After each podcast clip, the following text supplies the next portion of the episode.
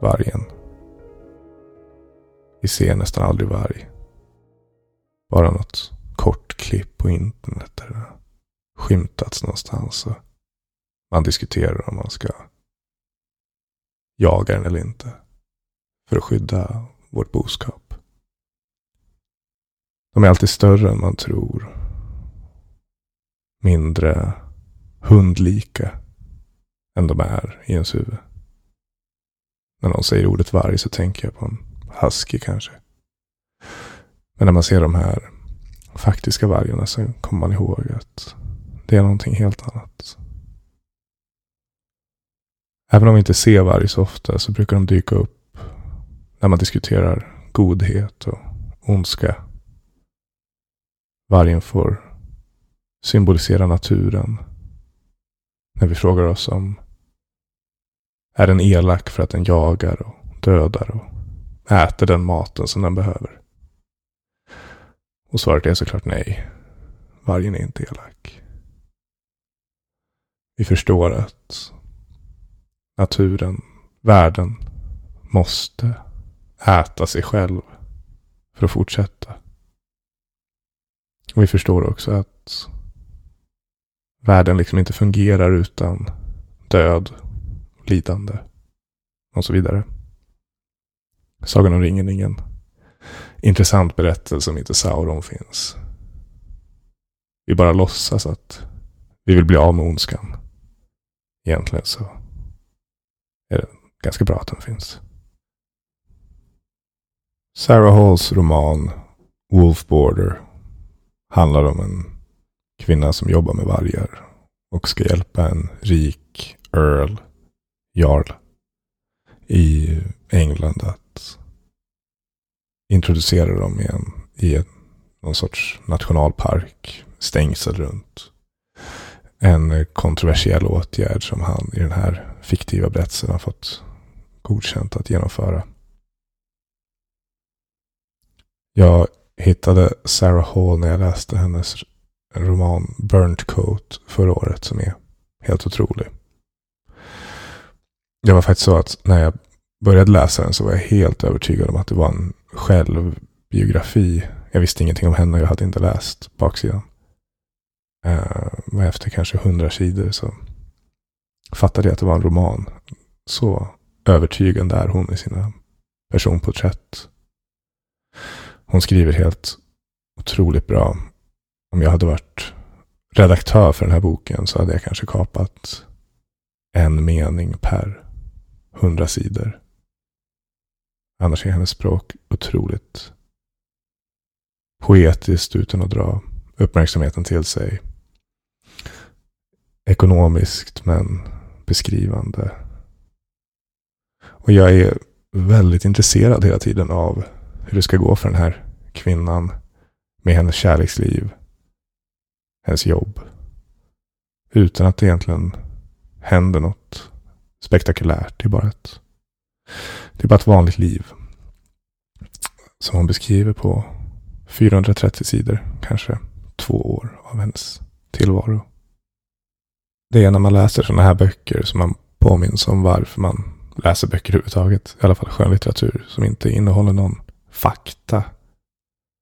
Utan det är bara att kliva in i en annan människas psyke ett tag. Och se hur de fungerar ser på världen.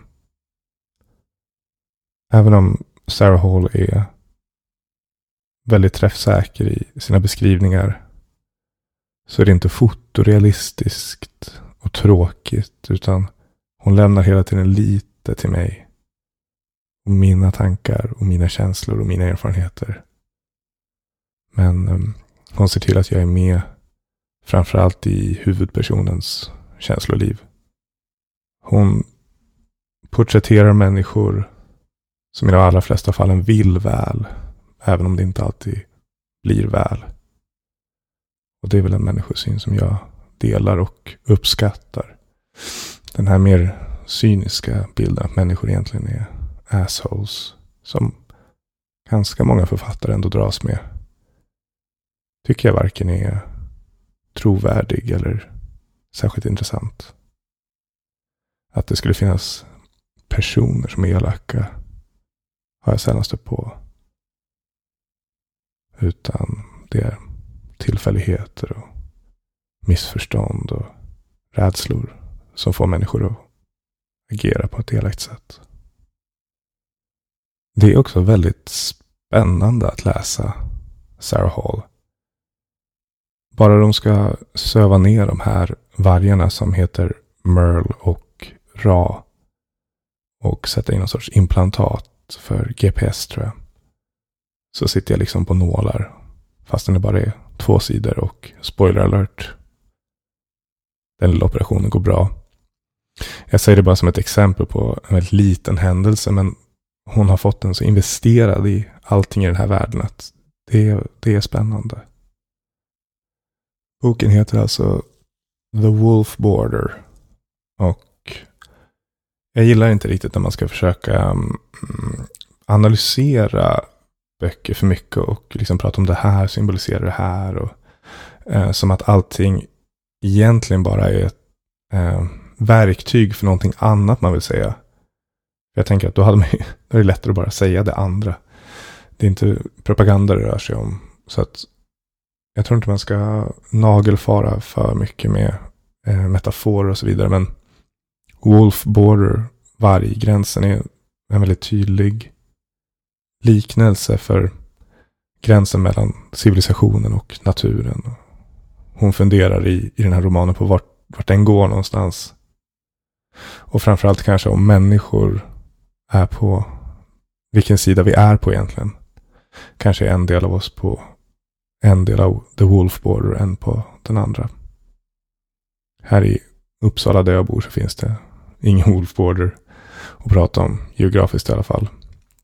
Jag tror snarare det närmaste vi kommer är kanske gängkriminalitet och sånt. Att det går någon osynlig gräns någonstans i staden där lagar fungerar annorlunda. Och liv och död. Och helt enkelt en annan civilisation eller kanske ingen civilisation. Nu när jag eh, spelar in det här så börjar min granne Hamra renovera tror jag. Vilket pågår ofta. Och nu i, tror det är tre år som det har pågått någon sorts renovering. Och eh, vi ska väl båda skatta oss lyckliga att vi lever på den här sidan The Wolf Border. För stundtals så krävs det stor återhållsamhet och kanske också att jag har nära till hands hur rättssamhället fungerar för att jag inte ska helt enkelt slå ihjäl honom. Tur väl det. Tillbaka till ett mycket civiliserat samtal om en roman.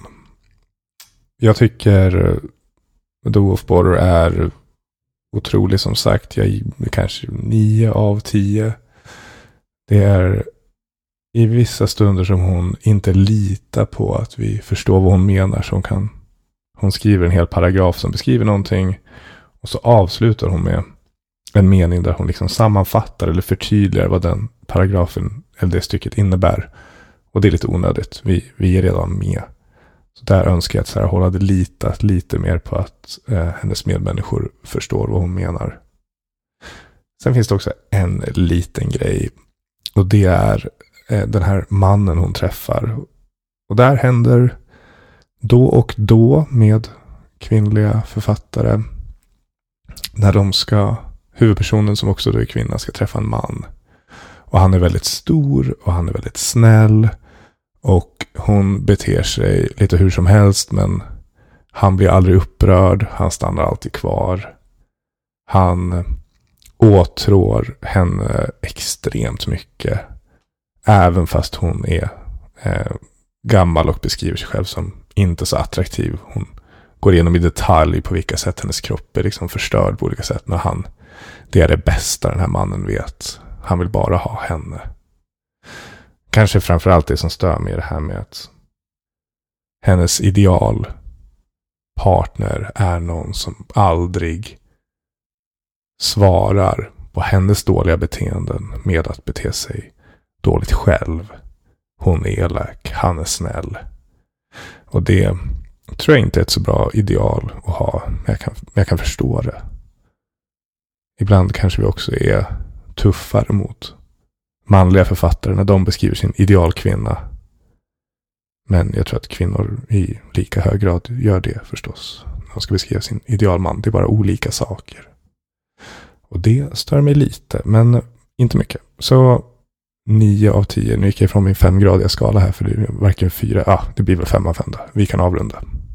Men jag skulle ännu hellre rekommendera Burnt Coat. Den är lite, ja den är ännu snäppet vassare. Hon är, den är också lite kortare. Så det är till dess fördel. Förra veckan var avsnittet lite kortare. Det uppstod mycket hot och hat från er lyssnare. Så jag är tillbaka nu på avsnitt som är längre än tio minuter. Nej, men det är superkul att ni mejlar och hör av er med alla åsikter. Jag har också fått ett boktips av en lyssnare. Så att nästa vecka kommer det bli en bok som jag själv inte har valt. Utan, och det får ni gärna fortsätta göra. Det ska bli mycket spännande. Om nu Adlibris hinner leverera den i tid. Adressen är, som ni vet, dmtpodd.se gmail gmail.com. Det här var det mänskliga tillståndet. Vi hörs snart igen.